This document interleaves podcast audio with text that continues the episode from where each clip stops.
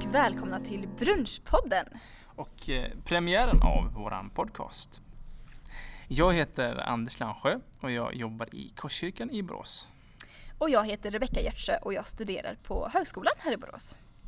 Och vår första gäst till Brunchpodden är musikern och författaren Andrew Peterson från Nashville, USA. Helt fantastiskt. Eh, Men först kanske också vi behöver förklara lite grann vad Brunchpodden är för någonting.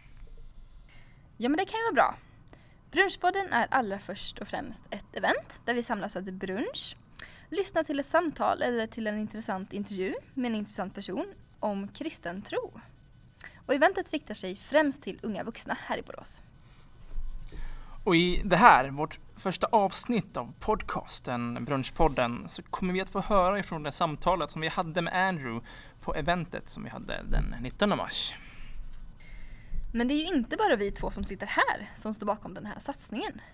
Precis. Vi är ju ett antal sköna personer från olika kyrkor i Borås som tillsammans har sett behovet av att skapa den här samlingsplatsen eller samtalsplatsen för stadens unga vuxna. Och förutom oss som sitter här eh, så består teamet av David Gustafsson från Svenska kyrkan, Och Christian Kastö från Pingstkyrkan, Oskar Oders från Lutherska Missionskyrkan Gabriel Isivi från Boråskyrkan Och så har vi också med oss Johannes Kopp som har hjälpt oss med redigeringen. Men eh, vad är det vi nu ska få, få lyssna på? Eller kanske snarare, vem är det vi ska få lyssna på, Rebecka? Ja, det är alltså då Andrew Peterson, musiker och författare från Nashville. Och han har ett fantastiskt skägg, verkligen. Ja men precis som du då Anders. Tack. Eh, nej, vi hade ju verkligen turen att vi fick eh, chansen här att dagen efter en konsert som han hade i Korskyrkan i Borås få sitta ner och prata lite grann med honom. Och, och du Rebecka, du var ju med på scen och tillsammans med Gabriel fick ju chansen att intervjua honom. Ja, det var spännande. Det blev ett eh, ärligt och öppet samtal måste jag säga. Inspirerande. Men hörni, då kör vi. Här kommer det, varsågoda. Welcome. Thank Good you. morning. Good morning. Yeah, you had a show yesterday evening. You've Mhm. been in a hotel. Yeah. Yeah. and then you're going to Sollentuna tonight. Mhm. So we got to get this ending in time. Yep. Yeah. but you had a good night's sleep. Uh, I slept okay. I, I, I talked to my wife in uh, Nashville uh, on FaceTime, Yeah. and uh, it made me very homesick. So I just laid there in bed thinking about my house. So it's Oh. okay. Yeah. What I, do you mean? I'm so sorry that the plant is right in your face. Why don't? Like we're in the jungle. Yeah. Okay. There. Okay. And um, yeah, I didn't. Do I have a stick for the for the slides? Because we got to put a number up here, a phone number that uh, Rebecca will take care of. So if you got any special questions for Andrew, you can text us, and we choose if we're asked, asking them or not. Yeah, but it's not up there yet. okay. We get started without it. how many were here? Were there yesterday evening on the show? And how many wasn't? That's good. And we know you know a little about what to tell. Yeah. That Yeah. helps. But uh, you're from Nashville, Nashville, Tennessee. but yes. that's not where you uh, grew up. No, uh, I grew up partly in Illinois and partly in Florida, but I've been in Nashville for uh, almost 20 years, uh, and all my children were born there, so it feels like Nashville is home now. Yeah. Uh-huh. Check. I'm prepared. Yeah, there's Nashville. Yeah, because we all, we all know about Nashville, but no Swedish no, really know where it is. no, it's okay. So, So yeah, so, So- there it is, huh? So I grew up here, right here Yeah. in Florida, and here in Illinois. So this is all corn, and this is all alligators, and Tennessee is all musicians. Cool. And that's the mix of corn and alligators. Yeah, that's Yeah. right. So why why do you move there? Uh, I was in college. Um, I went to college in Orlando at a little Bible college, and um, and I mainly chose Bible college because they didn't. Uh, there was no math. Uh, I didn't have to do any any math studies, and so I went to Bible college. But then it was also. Uh, I think it was when I began finding out that I had something to say, something to write about, because I had played in a lot of bands and rock bands and that kind of thing, and uh, but didn't really think of my gifts as something that I could use for God's kingdom.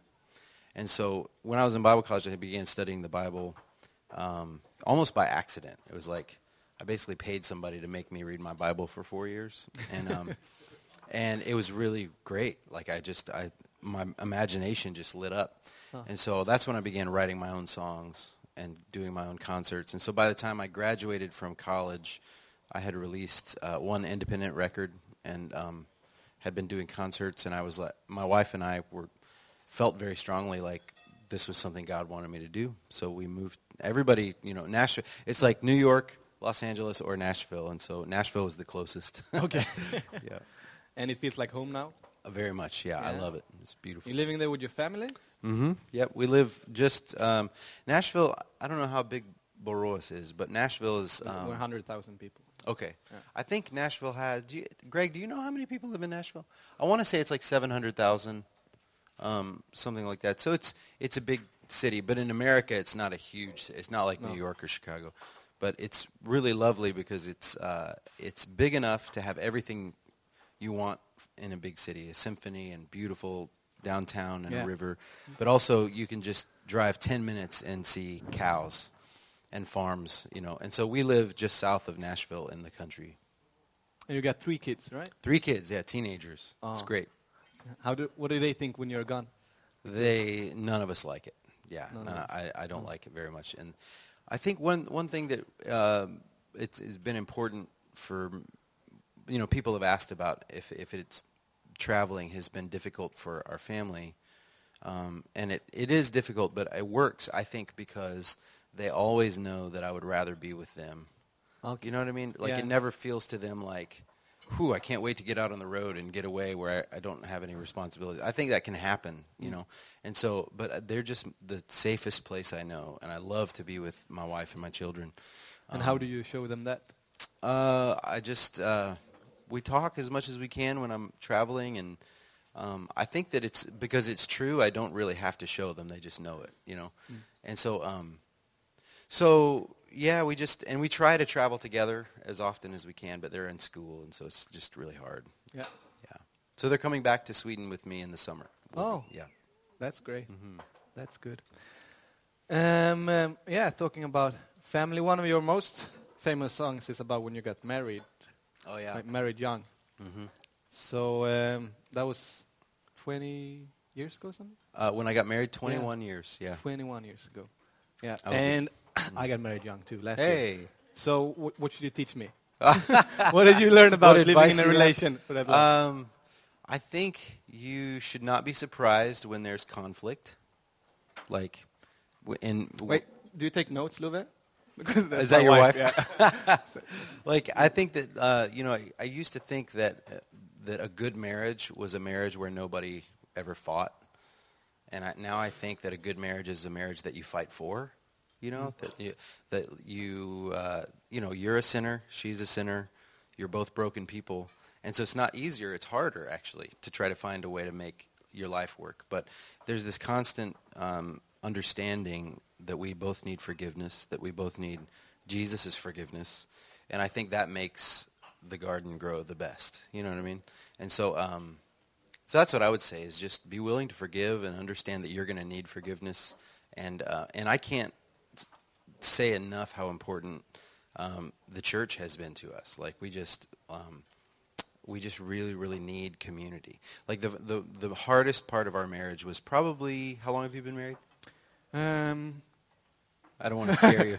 half, half a year. Half a year. Oh Yeah. wow. Okay, I have lots of advice for you then. um, no, uh, but uh, you know, it was like seven or eight years into our marriage, and our children were really young and in diapers. You know, and it's always so stressful. It's hard. You feel like you're just buried in diapers, and uh, and that that season was really difficult because we were. Um, it was the part of my music career when I was um, paying my dues, you know, where I was having to tour all the time. And I remember I was gone for um, one year. Our fan, it's you know she used to sing with me, so we had Okay. a big, uh, I don't know what you call it, a camper motorhome, you know, Mm. big, Yeah, yeah. we would drive around and um, and so we were so determined that we're going to stick together as a family. We're going to always be together as a family. And so one year, it was the busiest year back then, and I was gone for nine months. We were gone as a family for nine months um, of that year, off and on. And so nine months means that we were almost never at home to go to church. It meant that we were very isolated. That we, when we did come home, we didn't really know the people in our community very well. Like nobody knew our struggles. Nobody knew to ask us what what we needed or how to pray for us. So we just felt very isolated, and that was where that was the most the closest we ever got to, to losing our marriage was like just some uh, really bad situations happened and and uh, and so that it was really scary and it was really painful time. Um, but then uh, we began to realize that part of the reason that I think we were uh, our marriage had become weak in that way was because we were we did not have close connections with people who knew us and loved us and mm. could pray for us. And and so we, we were just separate from so since then um, we've just been very careful to try every single time we can. We try to stay involved with our church. We try to try to stay close to our community because we can't do it alone you know? Mm. that was the big lesson that we had. So um, and a lot of it's interesting. It's not like church solves everything but but I do I have noticed over the years that whenever I hear that uh, some friends of ours in a marriage is struggling, I also go, actually, now that I think about it, I haven't seen them in a long time. Oh. You know, at yeah. church or in community, yeah. uh, and it, there's this tendency. It's kind of like Adam and Eve. When Adam and Eve sinned, when they broke, what did they do? They hid from God. They they felt like, well, nobody will understand, or I can't be loved anymore, so I'm gonna I'll be over here hiding. And I think the church wants to say, no, no, no, we're all broken. Like, bring it all into the light, and we're gonna we're gonna make this work together.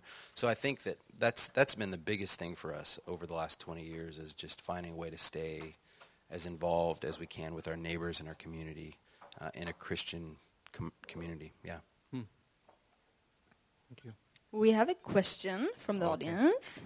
Ooh. And it's about, you said something about uh, going to Sweden this summer with mm -hmm. your family. Yeah. tour.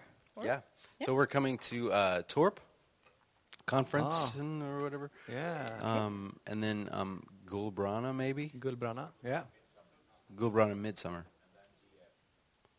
What is that? Okay. okay. So for a couple weeks in the yeah. summer, yeah, uh, which makes me very happy. Yeah, that's cool. I like Sweden in the summer. Yeah, that was just. Uh, oh, sorry. Yeah, so you see the number if you haven't. It's behind Andrew's head for some of you. So uh, I think you can manage to find out. Yeah, it's almost 20 years since you released your first album too, right? Since or my more. first album, yeah. it was that was in 2000. Oh, my first first album. Yeah, it was 96. but you don't count it. Or? It's terrible. Okay. it's really bad. but which is the best one, if it's some lazy listeners here? Uh, I always like my newest one the best. Yeah. Okay. Uh-huh. So you start with the newest Yeah, one. it would be very sad if I released the newest one. I was like, ah, well, the last one was better. and this is, this is the newest one? Yep, that's it. Can't really see. Yep. It's a dark picture. It looks like a blues record, but it's not blues, yeah. No? Um, what is it? Ooh, that's a good question. I just songwriter record, yeah. yeah. Um, just songs. I don't know how to put it. And what is it about? The album. What is yeah. the album about? Um, well, all of my albums are usually about my that chapter of my life. You know, mm-hmm. like whatever's going on. Um, but it's funny. Some of you guys heard me talk about this last night. Uh, I I had I didn't ha- I had to write the songs in the studio this time, mm-hmm. um, which I didn't like very much. It's very stressful. uh, but usually um, you know, you I have 15 or 20 songs that I've written, and I I choose which ones I want to put on the album. Um, and I never really thought about it before, but um, that's like a, it allows me to manage which part of my story you see. Mm-hmm. Does that make sense? Yeah. I remember uh, hearing Rich Mullins, who's a songwriter who, in America who died 17 years ago he's one of my heroes. Um, he somebody came up to him after a concert and said, "Oh, I listened to your albums, and it sounds like you have such a close relationship with God, and you're such a spiritual person." And he laughed and he was like, "Well, that's just because I'm showing you my very best 40 minutes." You know, yeah. like I'm showing you exactly what I'm choosing to. Like the rest of my life, I'm I'm struggle and I doubt and I have all this stuff. So it's very that was a very honest answer I thought. But I thought about that when I made this new CD because mm-hmm. I I could not choose Um, there were some songs that I was kind of embarrassed um, to put on the CD because I just thought nobody's going to want to hear this. This is too personal. Um, and then it ended up being the opposite. It ended up feeling like that was exactly what I needed Yeah. to write about. So you, I read some interview with you, and you explained that the album started out from quite a dark place, Mhm. but in the end you realized you were not really singing about the dark, but about Yeah, the light you found in it. very strange because I, I yeah when I was I was depressed and going through a, a painful season and I thought this is going to be the most depressing sad album nobody is going to want to hear this album um, and uh, and then when it was finished I listened to it in the car and I was crying because it, it sounded so joyful like. So I just it feels very much like um, part of that is because I was working with this producer Gabe who took you know the lyrics that I had written and the music that I'd written and he found the light in it you know as like he took it and he said this can't just be about darkness. Like and so when I heard the record I was so surprised that it felt like it it felt like um, well the title of the album the burning edge of dawn it Yeah. felt like I'm not out of the dark yet but I can see that there's light on the horizon is how the that that moment you know? Um, and so yeah that moment to me is like what all the best stories are about you know? Um, there's this uh, i don't know how many lord of the rings fans there are out there. Hopefully a Yeah, a lot few, I think. i love that in sweden it's just like a, gi- given that you like lord of the rings.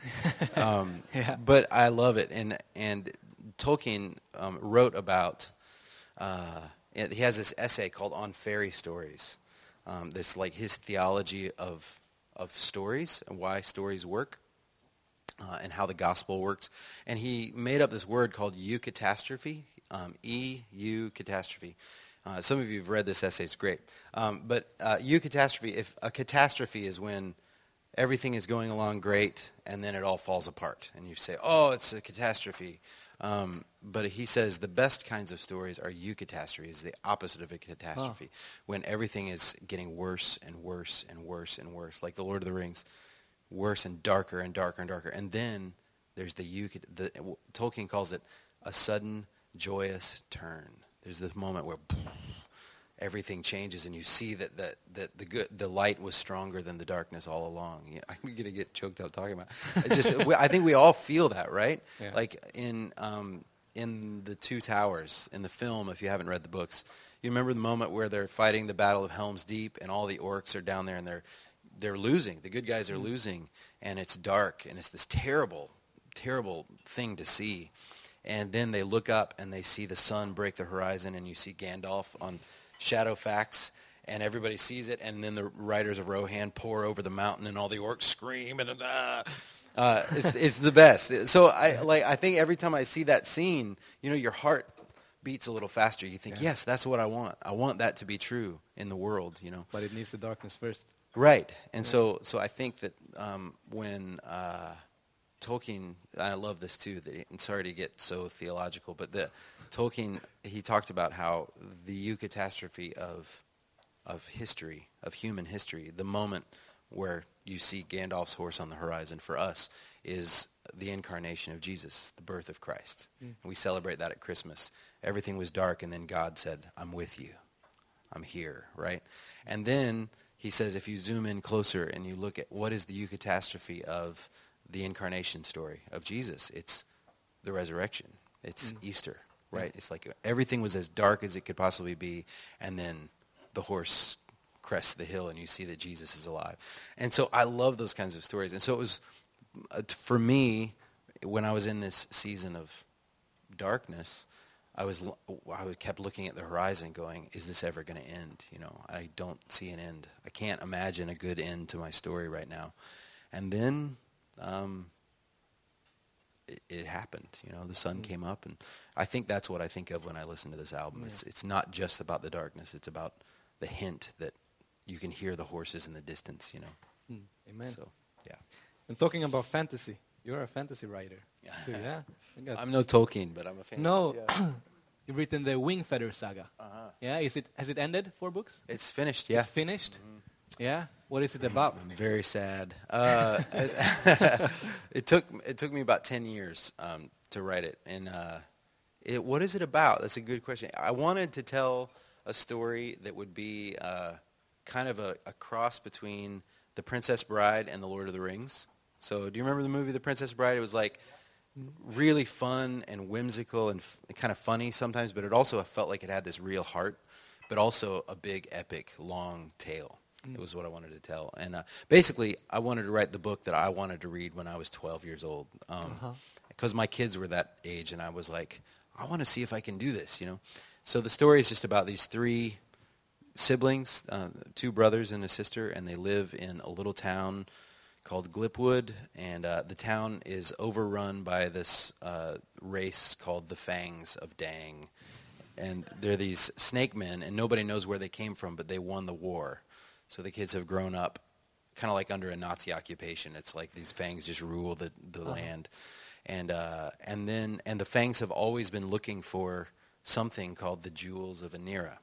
And uh, nobody knows what they are. And then one day the kids find a map that to a, a treasure map, and they find the jewels of Anniera, and uh, and that begins this huge, epic, terrible journey that they go on. So yeah, that's that's the beginning of the story. Yeah. Anyone read? Anybody read them?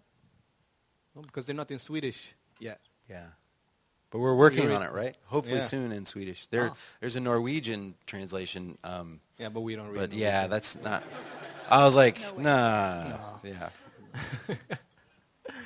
Um, um, oh. yeah, you you're writing fantasy, It's kind of for kids. Is it sometimes like parents are getting irritated? You're telling about dragons and and stuff. Like the? Christians, are they mad Yeah. at me for doing? Um, I haven't gotten too much, too much uh, trouble for it. No. Um, I am always surprised, you know, by sometimes the Christians are so afraid, you Mm. know, cr- like parents are so afraid. Like, it's funny. I don't know if you guys like Harry Potter here, but I love the Harry Potter stories. And um, and in America, the church just freaked out. They were just like ah. And what I feel like they missed the fact that that those stories are really about um, about death, right? And about how death is not. I mean, there's Bible verses in the story about how Yeah. the last enemy that shall be defeated is death, you know. And so she was telling, really, I think, a Christian story with those books. Um, and so I was very nervous when I wrote my books. I thought, oh, are the Christians going to be mad at me? Yeah. And so I didn't put any kind of like spell casting, no magic. Um, there, there is a kind of magic in the world, um, but it's not. It's very mysterious, you know, Okay. kind of like our world. Like things Yeah. happen and we can't explain. Um, and so, uh, but lots of dragons, lots of sword fights, lots of monsters. Yeah. um, it's funny. I the, I think that uh, sometimes kid, parents seem to think that children are so fragile, you know, and that um, it, it, as if children don't know that the world is broken, you know, and I, I think um, I think that it's like oh, I, when I wrote the stories. There's in book two. There's a whole scene where the main character Janner uh, is ca- captured and he's in a factory and he's being uh, you know beaten and when he's being punished they put him in a coffin for three days and uh, he has to like lay in this coffin. And it's really scary. Like for me to write this part of the story i was um, worried that the parents were going to get upset. I didn't hear one complaint. And i kept i would ask kids I would, little kids i was like were you afraid when janner was in a coffin for three days? And they were like no no it was great. It was awesome.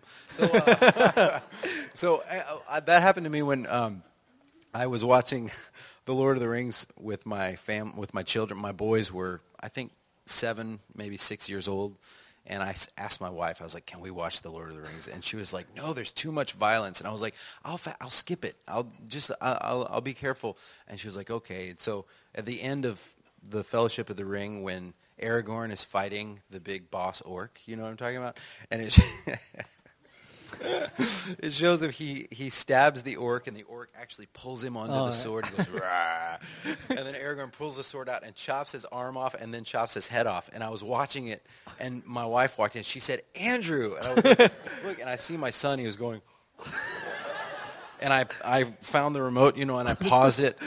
And I was like hey buddy. And I said I said are you okay? And he goes that was awesome so uh, so I'm not saying that like you don't have to be careful with violence, but I do think that like children know already. We all know, like from a very young age, when we see our parents fight, or we hear about our friends' parents, or or there's a divorce, or you see the news and you see war. Like kids know already that the, the world is broken. What they need to know is that there's something stronger than the brokenness, Mm. right?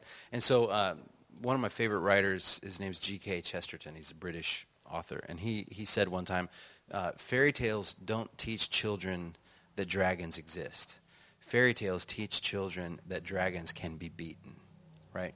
I love that idea. Yeah. I love that. So in my stories, I was like, I have to write about the darkness. I have to show that there is evil. But then at the end, I want there to be a sudden joyous turn, so that when the children finish the stories, they go to bed with this warm feeling, and they they feel safe. They know that there is a light that towers over all of the darkness. You know, uh, that's my favorite kind of story. So what's most fun, writing books or music? Oh man, I, I think books. I actually Yeah. really love the whole process. Partly because I get to stay home. You know, I get to Oh, go yeah. to the cafe with my computer and I work, and then I come home for lunch. You know, but it's still using all of my creative energy. Um, whereas songwriting is just always very hard, and uh, and in order to when you put out an album, you have to go on the road for weeks at a time, Mm. and it's it's not always um, my, anymore. Like I'm just older now, you know. I think if I was 20, I'd be like, I'm going to Sweden. and now I do love coming to Sweden, but I also there's a conflict Yeah. because I, I miss my family. Mm, of course. Yeah, we're soon going to take a small break. If anyone want to fill your cups, or I don't think we can make a big line because we want to get started soon again. But uh, first, you will play a song Sure. for us. Which one will you play? I'll do. Um, I think I'll play a song. Let me go. Yeah, do so.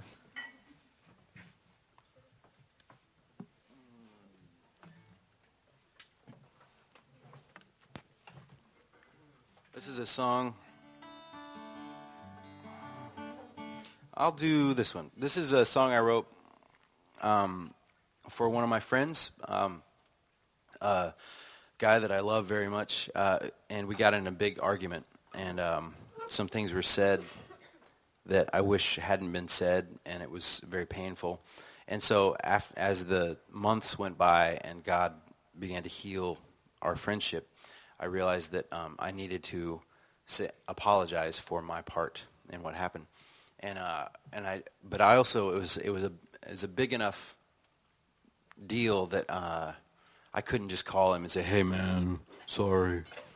It felt too cheap, you know. So I, I decided to write him a song, and so I re- recorded it on my my phone and texted it to him, and uh, and then I just you know we talked and it was it's better, um, but um, then I forgot about the song until I was in the studio and my producer said, "Are you sure you don't have any more songs?" And I was like, "Well, oh yeah, there's this one, but it's it's for my friend. I can't record it." And I played it, and he said, "You have to put it on the album." So um, so here it is.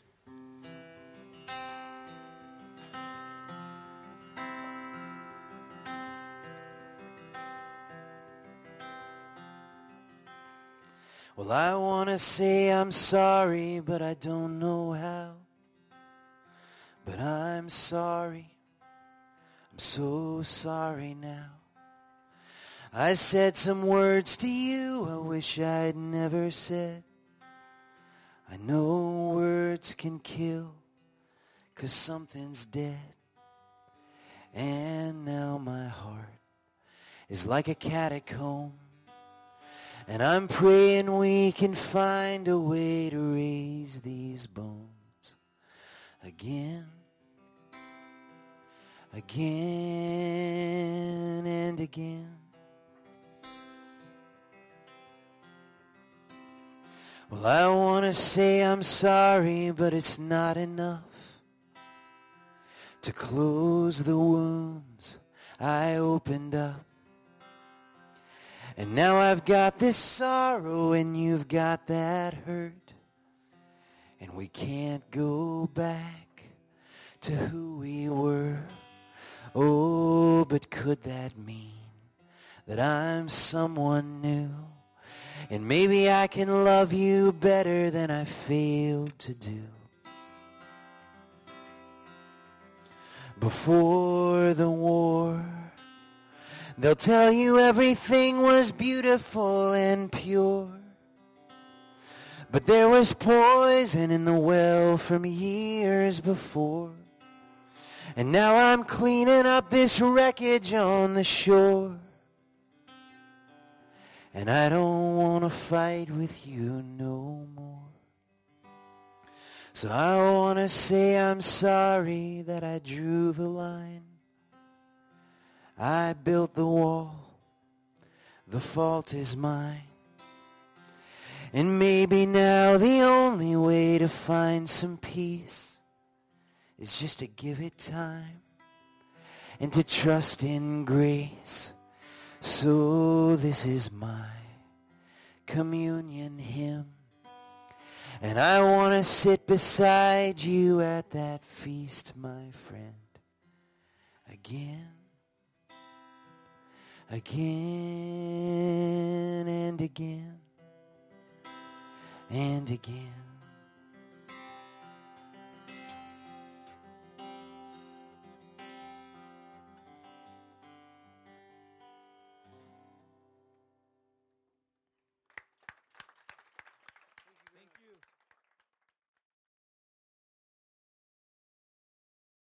You like Swedish coffee? I love Swedish coffee. Yeah. Yeah. It's not from Sweden though. Yeah. it's good. I, th- I don't know. It tastes different than everywhere else. I don't know any other. It tastes better. I really, yeah, I think so. I never drink coffee, but uh, Yeah. I'm promoting it. It's really good. yeah. Hey, uh, I found something on your on your Instagram. Okay. Yeah. Look, on this one you said, "Oh, it's so very good to be back in Sweden." This was from last night's show in Malmö. Nine more shows. Swedes, if you can prove that we're related, I'll give you a free CD. so let's give it a shot. We got this one. It's Andrew Viking. Here comes the final test. Okay. Yeah, we're gonna put you in some Swedish situations, Okay. and we'll see if your roots are Wow. really in your heart still. Okay. Okay. Oh, yeah. Fir- first one. this is a bus stop. Yeah. One person is standing at the bus stop, and where do you stand? A, next to him, B, on the other side of the bus stop, or five meters away? I would stand over here. C, Five meters away. that's right, that's what we do. You don't really see it here. yeah, you see them, it's like, yeah, here, they're, That's really yeah, funny. they really, Okay. but you, that's true, one point. Yeah? Okay, after how many minutes are you getting irritated that people are late? Okay. I give you a plus minus five on this one. Okay. Wow. Uh, I would say I'm not irritated until maybe 20 minutes. 20. Something like that. Then I start thinking, okay, what are the... Partly because I'm always very late. Okay. I, I always... It's and I 20 try to- minutes after you've arrived? Yeah. or after we said that? yeah, maybe 15 minutes. Maybe 15. 20. Yeah. 15, that was a good choice because in Sweden we get angry after 12 minutes. 12 minutes. Yeah, Okay. on the second. that, wait, how does that compare to other countries, do you think? Uh, I got In no America, idea. is it one minute? Is that kind of no, the I don't think so. I know in Zambia where I used to go, it's two hours, Okay. maybe yeah. three. so so it's funny. different. Okay. 12 minutes. Yeah, Yeah. you get two points. Yeah, it's good. It's getting good. When you meet a stranger and you have nothing to say, what do you talk about? Is there no choices? No, Oh, it's, it's interesting to see. uh, what the choose. weather. Yeah, it's There. true. Yeah. Nice. Three points. And you're really happy if it's not raining. Yeah, yeah, yeah. Yeah. Um, here's an important one. You see it's a small piece left, Yeah. and you really want to have some more cake. Well, what do you do about it? You cut it in half. Yeah. Yeah. Wow. Just never take Never last take the piece. last- Really No. If you really want to have the last piece, you need to ask everyone. Yeah, that's funny. Yeah, Yes. you, you you are Swedish. I think I am. Yeah. Yeah, just two more uh, Okay. questions to know. it's hard to see now. I th- I don't have any idea, but I'm guessing that must be the prime minister.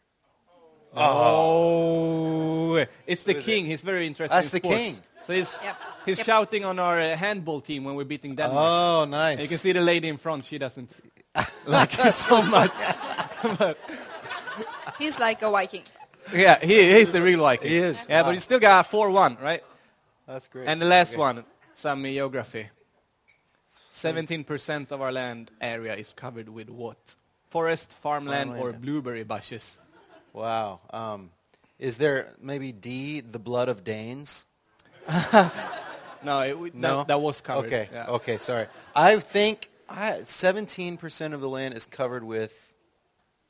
I would say farmland. No. That's 6%. No way. Really? 17% Are you serious? bushes. Yeah. Uh, we, we, we seldomly eat blueberry bushes. Yeah, I was Eat gonna say. blueberry I, bushes or blueberries. I don't usually see just blueberries. It's no, usually like no, it- we're too lazy to pick them. Really? Yeah. That's my favorite berry. Yeah, we got- you I knew I loved. Sweden. You- They're everywhere. Wow. Yeah. I try to grow blueberries. I have about um, 20 blueberry bushes in, on, in Nashville in my house, yeah. and they don't grow because the soil isn't right for blueberries. So I do need to move to Sweden, I think. Yeah. yes. That's what we're trying to do here now. We're proving that you're yeah. Swedish. yeah, yeah. we Put, put this on, yeah. Okay, Yeah. sure. And raise a Viking. Congratulations. Yeah. A wi- Great. Viking helmet. Yes. For the rest of the, this is amazing. Four, five, no, four. Four out of six. That's not bad, right? no, really and it was just the, the theory you missed. You, the Yeah, real, yeah. uh, and the king, I don't. Uh, No, and no, his no. face was covered. Or ah, yeah, that's better. Okay, that's right. Thank you. There you go. Oh, you don't want to keep, okay.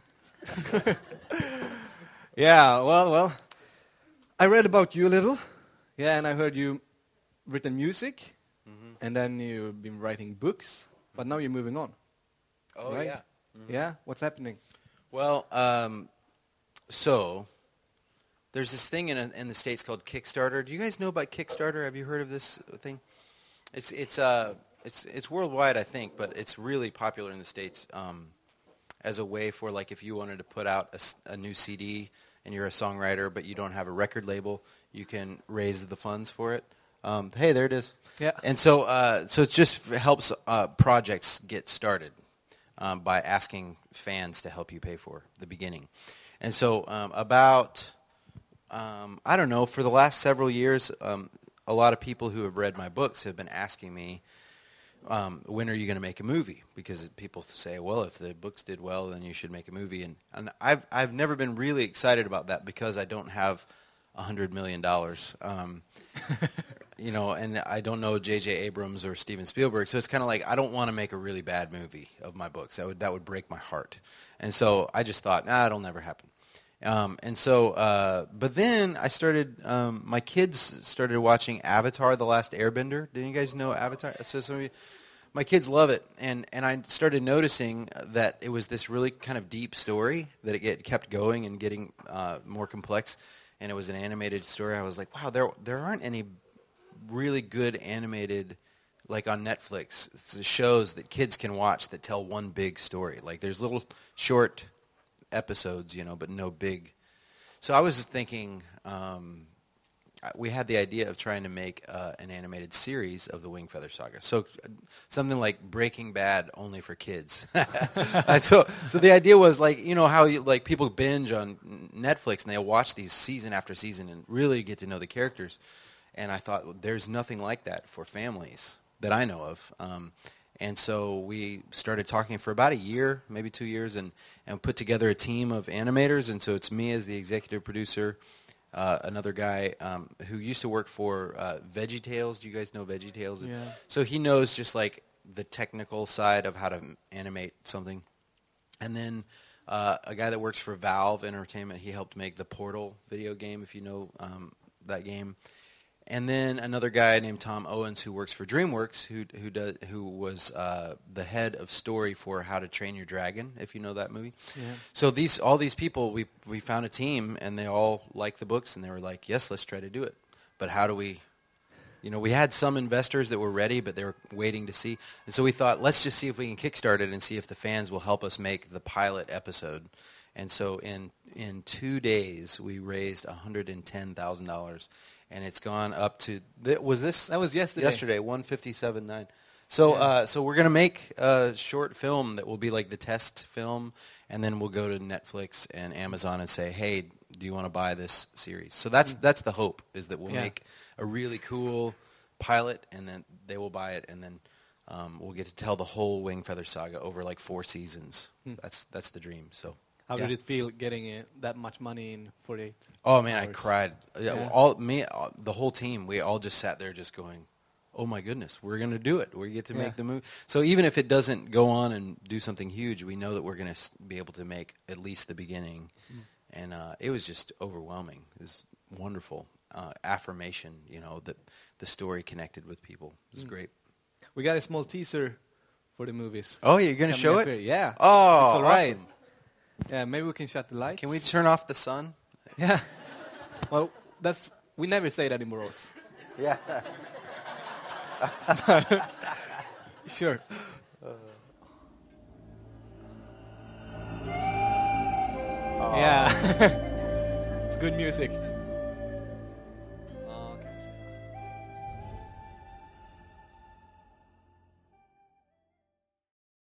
Was some real good music at least. the music is good. But it's a really cool map that you can see. But Yeah. You But can if- watch it online. Yeah, if someone wants to see it, where do we go to, to watch that and find out more? Uh, probably go to, um, uh, if you just go to my website, andrew-peterson.com, there's Yeah. a easy link that'll take you to the to the film. Yeah, that's that's my daughter singing. Oh. Yeah. And she's 13. She's 13 now. She was maybe 11 when she sang that. but Yeah. Yeah. Do you make a lot of music with your kids? Mm-hmm. Yeah, we're when we come back to tour uh, in the summer, it'll be the f- my whole family is the band. Yeah? So yeah, How does exciting. that feel? Oh, it's the best. Yeah. Yeah. I just I, I can't look around while I'm playing. If I look around, I'll just start crying. it's so it's so joyful because there it, you, it started that I was you know it was just kind of fun and they were all talented, um, but you know they're kids and I'm used to playing with guys like Greg, like really solid older guys who are professional musicians. And so I thought, is this kind of, are, do people think I'm only doing this because they're my kids? Are they just being nice, you know? Yeah. And by after like the fifth or sixth concert that we did together, I started realizing that it was actually good. Like you know, it was like hmm. when when they're not with me, I miss them. You know, like Yeah. musically. And I realized that I was no longer thinking about them. Like I would sing the song. Like that's what you want if you're the singer. You don't want to think about the band. You want to think about the audience. And so I realized that uh, that my kids were doing so good and playing them so well that I forgot that they were kids. You know, I was just playing. So I totally love it, and and I don't have to pay them. I pay them, but I don't have to pay them. Did we get any questions? Uh, not right now. Not right but now. Feel free to text. Yeah, it's just a few minutes left, so it's the last chance. That's also very Swedish. That uh, you don't just raise your hand; you have to b- quietly text the question. yeah, I mean, I mean, Yeah. they can be embarrassed. Now they come any question. You know. Yeah. Yeah. So Okay. yeah, I'm happy to answer any question. You can raise your hands too, but It's No. cooler to text. it's cooler to text. Put a phone number up there. Yeah. If you would choose one situation in life that has impacted you the most, Mm. what would you say? Wow. That's deep. Um,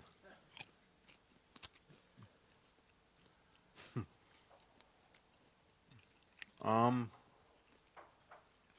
I would probably say that the, the moment that I first thing that came to my mind was um, when I was uh, 19 years old. I had been traveling uh, in a rock band, and we were so bad. It was a terrible band. We played. I mean, we were bad players. That's what I mean. Um, and I had long hair, and I wore vests, and uh, and thank you for laughing, Greg. uh, I, and you know, thought that I was really cool. I mean, I played bass in the band, so I would like jump off of the speakers and you know bang my head. and uh, I was really into uh, when I was in high school into uh, hair metal and and uh, a lot of stuff like that. And so then I joined this band, and it was like all Nirvana and Metallica, and you know some U2 or Van Halen, but it was all this kind of like rock and roll stuff. And I was mainly interested in uh, rock and roll and girls. That was my main thing. And uh, my mom um, and dad, my dad's a pastor, and you know they were they would often say things like, "Well, I sure hope that one of you children goes into the ministry." that kind of thing. And I was just like, I don't want to go into the ministry. I want to be in a rock band, you know, or I want to write fantasy novels, whatever. And so that was my life. I, like I just didn't have any real interest in in uh, using my gifts for God's kingdom because I didn't think that God's kingdom wanted my gifts. Does that make sense? Um, because I thought, well, if I want to be a, in the ministry, then I have to be a pastor or I have to be a missionary or whatever. And then, uh, so after high school, I was in that band, and the band broke up, and uh, I was totally directionless. I didn't didn't want to go to college because I didn't know what I wanted to do. I didn't have any money. Uh, I was living with my mom and my dad, and that wasn't going very well. And so finally, I moved in with a friend of mine, and just to figure out what I was supposed to do. And at that time, my friend was um, uh, leading songs for his church. So I, he would say, "Come with me, help me play guitar," you know, at church. So I would be like, "Okay," you know, I would go and I would stand in the background and I would play, you know, these worship songs. Our God is an awesome God, that kind of thing. And uh, and so I would do this stuff, and and I found myself uh, slowly becoming kind of moved by some of the experiences that were happening, and I I realized that I could use my gifts. I was like, oh, I can play music, and I, I'm using my music in a way that I don't hate. You know, the music isn't as bad as I thought it was.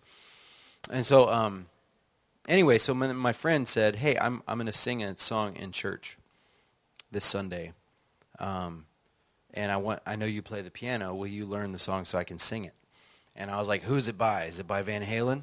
And, uh, and he was like, no, it's by this guy named Rich Mullins, who I've already mentioned. And, uh, and I was like, I don't know who that is. And he was like, well, he's a songwriter. And, and so I finally agreed to do it, and I got the, the boom box, you know, the stereo. This is before, you know, CDs and stuff. Uh, so it was a tape, and I put the tape in the boom box. And I had a key that would allow me to get into the church building at night um, because I like to go play the piano and just be alone.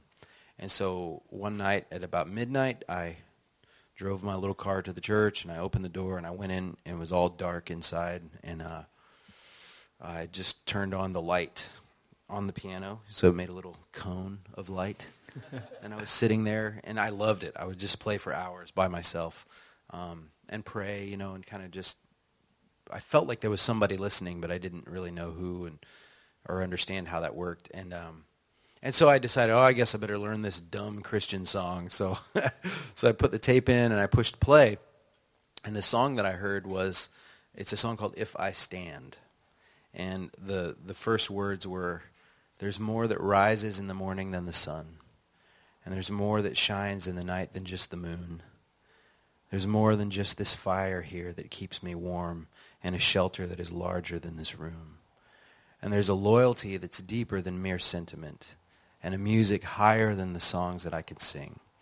The stuff of earth competes for the allegiance I owe only to the giver of all good things. So if I stand, let me stand on the promise that you will pull me through. And if I can't, let me fall on the grace that first brought me to you. And if I sing, let me sing for the joy that has born in me these songs. And if I weep, let it be as a man who is longing for his home. And I had just never heard lyrics that were so poetic and so beautiful. And uh, and what I loved about it was that I heard that Rich Mullins, the singer, was lonely. I could hear that he was lonely when he sang the song. And I could hear that he had wept. And his voice wasn't perfect. You know, a lot of Christian music, everything's just perfect and slick. And um, uh, I could tell that he was a smoker and that he was a sinner and that he struggled. But he also very, very knew God and that uh, he, he felt loved by God. And so all in that moment, I felt I was sat there by myself, and I felt like the whole like this warmth, and I felt like um, a hand had reached through the music and into my heart and reached deep, deep into me and turned on a light. And uh, and I remember just sitting there in the dark and feeling it was kind of like in in Beauty and the Beast at the end when there's like light shooting out of the ends of his fingers, you know, and he's transforming. That's how I felt. I felt this glow, and I felt like all of a sudden it felt like all of the stories that my mom and my dad told me from the time I was a boy were true. And um, I just it changed my whole life. Like I, I sat there and I, and I, in that moment, that set me on a journey of going, okay, now I see um, if I love stories and I love words and I love music, um, and uh, then maybe there's a place for me in God's kingdom. Maybe there's a way I can take these gifts that I've been given and and uh, use them for something other than girls and rock and roll. mm. And so that you know, that was the beginning of the change for me. It was just like it gave me a map. All of a sudden, I saw that there was a way, and so that opened the door to all kinds of things. Like you know, when I I look back, I go, well, that led me to Rich Mullins, and my first concerts were mostly me singing his songs, like, uh, and then I started writing my own songs, and then I began to understand that um, every gift that we have been given, God wants it. Like he he wants you. He says there's room in my kingdom for you, exactly how you are, exactly the gift that you've been given. There is a way for that gift to shed light and to love the people around you. And um, so for me, that was like realizing I can be a fantasy author. You know, I can I can do this. Like I can write the stories that I always loved when I was a boy, and then look how God uses it um, to bless people. You know, or to you know geek out over music and to get to play music with these amazing musicians that are so much better than my rock band.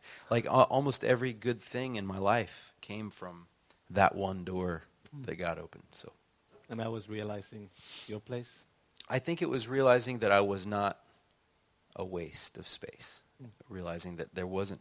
It was like I spent most of my life feeling like um, there was something wrong with me that wasn't wrong with everyone else. Everybody else was okay, but I was just the weird one, you know. And uh, and then I realized that God said, "No, no, no. I want that. I want you. Come in." Mm. And um, yeah, changed everything. Thank you for sharing. Yeah. Do we have a final? Uh, yeah, there are some of you out there, That's a few, that wonders if you are writing some more books. Oh. If there's something coming up. I think there's many of you that wants to read some. Well, that would be wonderful. Um, I am. I want to write uh, more books. Um, I can't wait to find time to write more books. I just built a uh, writing cottage on my property in Nashville. Just a little a little room that I could sit in and smoke my pipe and write my books. Um, and so uh, I'm, I'm hoping that once the movie or the TV series begins, because I'm not animating it, I'm just oh, yeah. kind of overseeing the story, that once that's going, if it goes, then I'll be able to turn my attention to another book and then another album, and yeah, I'm I'm getting tired talking about it. but uh, but yes, I definitely definitely want to write more books. Will it be something about Vikings? Maybe. Yeah. The, Maybe. I have to say that in the in the Wingfeather saga, there's uh, there's uh, the younger brother. Janner is the oldest. The younger brother, his name is Kalmar. Um, oh. Yeah. And then where uh, your roots are. I know, right? Those, yeah, yeah. That's where my my uh, great grandfather was from, a little village outside of Kalmar. Um, and then there's another place called uh, Pennybridge, Ödebro. Um, so yeah, there's a, there's little Swedish things all there. So they're already Vikings. Yeah. Yeah. yeah. Well, yeah. we're about to finish off. Yeah. You need to get moving. We just have a a few presents for you. Oh. As a, we're we're really thankful for that you took your time Thanks. in the middle of everything. Just sit down for a little while Thank and you. share your yeah. stories. Uh, first, uh, this is in Swedish, but uh, uh, I'm a children artist, so this oh, is my wow. CD with a puppet. That's great. So really? Yeah. I can't tell if you're joking. You re- oh, really? No, it's my it's my picture. That's awesome. Oh yeah, there he is. Yeah, you see it. That's so great. Yeah. So whenever you want to go on tour together, okay, just call call the puppets.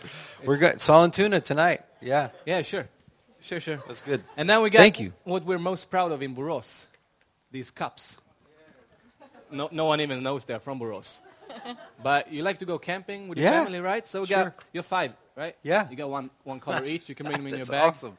So you, for coffee and tea and stuff. Yeah, right? coffee, wow. Swedish coffee. They're they're designed in Borås. That's why you get them. You guys are so smart. Yeah, Sweet, really. So you can pour your Swedish coffee in them, and you yeah. sit outside on a park in Nashville. It starts to rain, and you can think, well, it's still worse weather in Borås. So can always yeah. be encouraged. Good. Thank yeah? you so much. Thank you. That's very cool. We'll just finish off with a song. Sure. Yeah. Yeah. You can just tell song. us about it. So let me. Yeah, I can change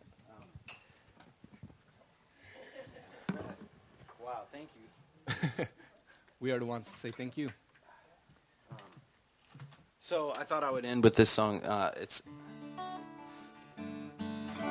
it has a, a short story. Um, I, I wrote this song right um, after my birthday um, several years ago. I was uh, I woke up one morning and I was I was going to have a birthday party that night, and um, I was feeling kind of good because I was you know it was going to be a fun day, and um, I had a new CD and the CD was released on iTunes only. It was just a digital, like a live uh, recording, and so I kind of forgot about it. I was like, "Oh yeah, there's a today's the day the CD came." So I went on to iTunes and thought, "I wonder if anyone has written any reviews of my new CD," which is a terrible idea. Um, and so I looked, and uh, and it was one star out of five stars, one review, one star out of five stars, and I was like, "Ow."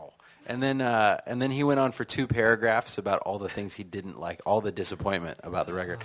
And I was like, oh man, which it's okay, like that happens sometimes. Um, but it was my birthday, and so, so I was kind of sad. And I went in the house, and Jamie said, "What's wrong?" I was like, "This guy gave me one star." And, uh, so uh, the whole day, I was in a bad mood. You know, as my kids noticed it, they were like, "What's wrong with Papa?"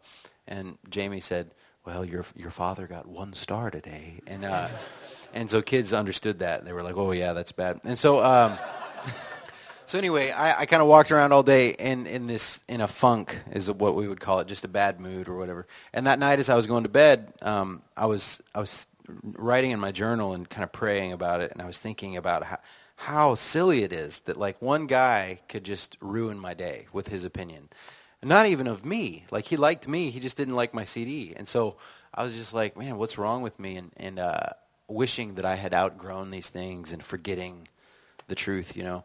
And then uh, as I began to pray about it, all of that kind of sadness that I felt, all the hurt that I felt, began to change in my heart into seething rage and anger. And so uh, then I started, I started thinking of, of, how I could find him, and uh, and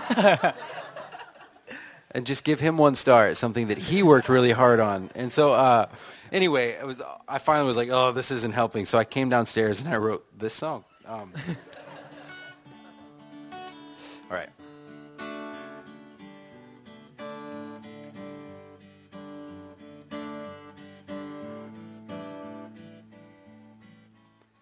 You big jerk, man, I hate your guts so much. I'm just kidding. That's not. Sorry. That's not the song. Sorry. uh, it felt good though. Kind of felt good. Okay. It's so easy to cash in these chips on my shoulders in the kingdom. I am a priest and a prince in the kingdom of God.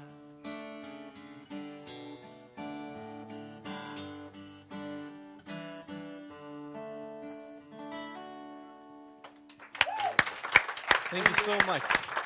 Thank you. Thank you.